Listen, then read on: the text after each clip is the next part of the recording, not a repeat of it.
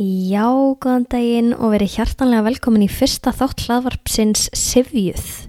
Mikið gaman að vera einna með ykkur. Takk helga fyrir að hlusta.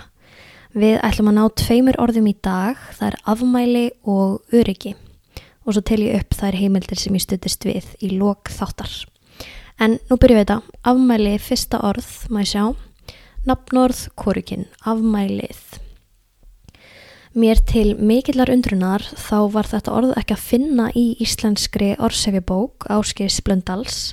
Margnotað algengt orði í íslensku þannig að það komi mjög óvart. En Guðrún Kvaran kemur mitt í bjargar. Hún skrifar grein á Vísindavefin 2001, segir að orðið afmæli sem mun yngra í málinu heldur en fæðingadagur sem við eigum náttúrulega líka. Heimildir um orðið afmæli koma fram snemma á átjóndu öld og svo vittnar Guðrún í Haldur Haldursson sem árið 58 segir að fyrst hafi merking eh, orðsins afmæli verið afmældur tími, tími sem er liðin frá okkur ákvönu og svo hafi merking fæst yfir á fæðingadaginn sjálfan.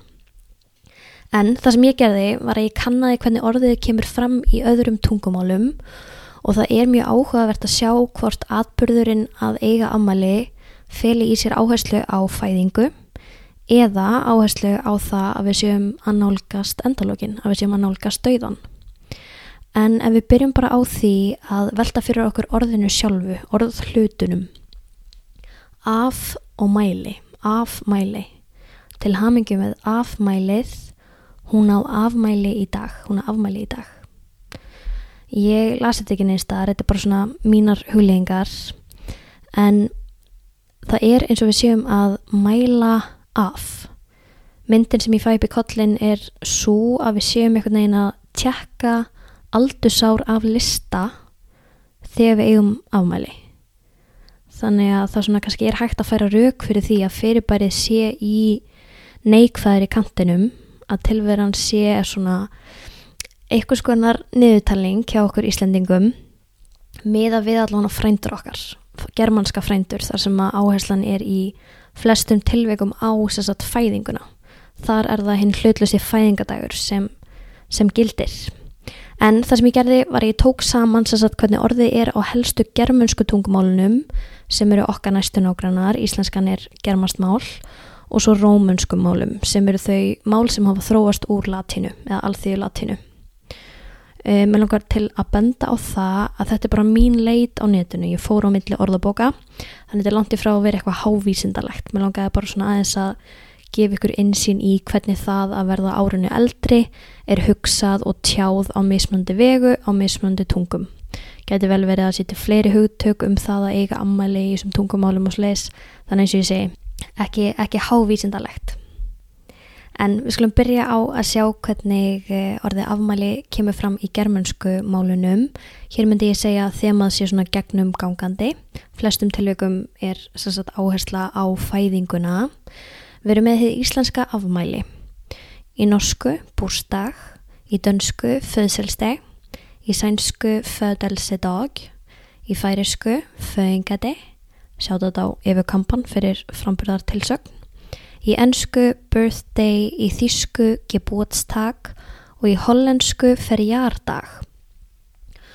Uh, eins og heyrið oftast áhersla á fæðingu, hollenskan reyndar sker sig aðeins úr, ferjaren sem er fyrir hluti orðsins, ferjardag, þýðir að renna út í lagamáli allana. Það er uppröndilega merkingin og hefur varfist hann í, í lagamáli en því núna bara eiga afmæli það reyndist mér svona aðeins erfitt að sjá hvort það væri undarlega einhver tengst þarna á milli hvort það sé einhver hollendingur sem að, sem að álítu sem svo að hann sé smátt og smátt að reyna út þegar hann á amali e, þú eru nú ekki að fara með það en hafið samband, auðvitið, vitið, endilega.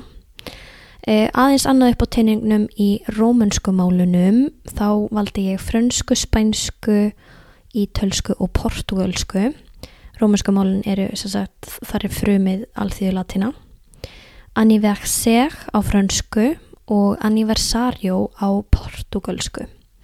Komið uh, á latneska lýsingarorðinu anniversarius sem er búið til úr annus, ár og versus, það sem hefur snúist. Þannig að það sem er anniversarius er bókstallega það sem snýr aftur að ári og við þekkjum þetta úr uh, ennsku an anniversary. Svo er það spænska cumpleaños og ítalska cumpleaño. E, ítalska orði er ekkert annað en tökord úr spænsku. E, cumple er komið á sögninni cumplir að klára og años eru árin. Þannig að hér er greinlegur fókus á það að klára að vera búinn. Þannig að til að taka þetta saman þá er hægt að segja að þessi atbyrður að eiga afmæli Hann er tjáður á mismundi vegu, á mismundi tungum og felur um leið í sér mismunandi sín á lífið. Við erum með hinn danska föðsölstæg og hinn enska birthday, þessi orð minna mann á fæðinguna sem er náttúrulega ekkert annað en bara fögnuður lífsins að fæðast á meðan cumpleaños í spænsku og hið íslenska afmæli minna mann á þennan liðna tíma, þennan afmælda tíma að árið sé klárað, að þessi búið og að við séum þannig einu skrefinu nær endalokunum. Þannig að já, það er mismunandi sín fólkin í þessum orðum.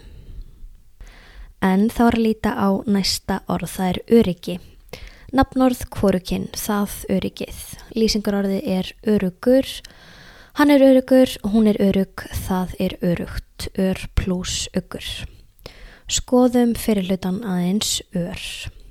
Ör getur verið orð, rótin getur staðið sjálf, tala um öran andadrátt, ör sem skotið er af boga, ör í andliti og svo framvegis, en við þekkjum það líka sem forskiti, frekar algengt forskiti. Ör eigi, ör yrki, ör skot, ör verpi, ör bylgja, ör magna, ör snöggur, ör lítill og svo framvegis. Sem forskiti þá gegnir ör mjög mismunandi hlutverkum.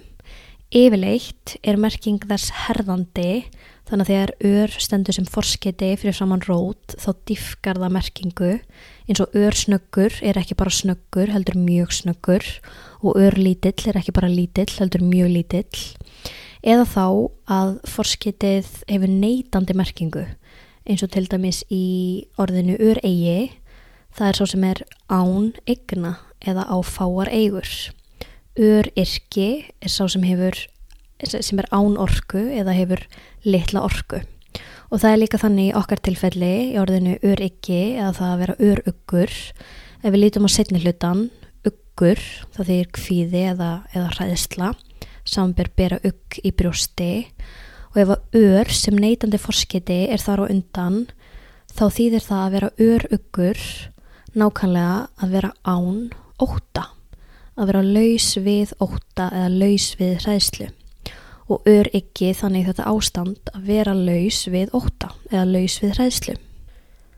Lítum síðan á orðið secure í ennsku sem þýðir að vera örugur, security er öryggi, nákvæmlega sama hugmynd sem býr hér að baki. Secure er fengið úr latinu, latneska orðið er securus og sá sem er securus, hann er secura, hann er se, án, without, cura, care, áhyggja.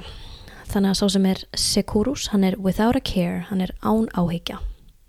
Og orðið er líka að finna í sænsku, þar er talað um að vara sekjar, í dönsku er það sika, á ítelsku sikuro á spænsku seguro og svo framvegis. Þannig að orðin örugur og secure þýða ekki bara það sama, heldur eru nákvæmlega eins hugsuð, nákvæmlega eins uppbyggð. Og lókum getur líka nefnt að að baki orðinum örvæntingafullur og desperate býr líka nákvæmlega sama hugmynd. Ef þú ert örvæntingafullur þá ertu örvona, þú ert án vonar og desperate, það er fengið úr latinu, latneska orði er desperatus, de er án og speratus er komið að sögninni sperare sem þýðir að vona. Þannig að desperate þá ertu án vonar eins og þú ert örvendingafullur án vonar.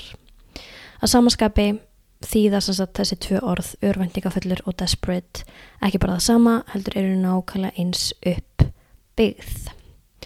En þetta er það sem ég vildi sagt hafa í fyrsta þætti. Takk kjallega fyrir að hlusta, kann virkilega með það. Eh, ég nenn ekki að talja upp allar heimildir hérna núna í lókin eins og ég sagðist alltaf að gera. Ég ætla bara að hafa þær aðgengilegar í eh, textalýsingu þáttarins. Takk fyrir að hlusta, við heyrumst í næsta þætti.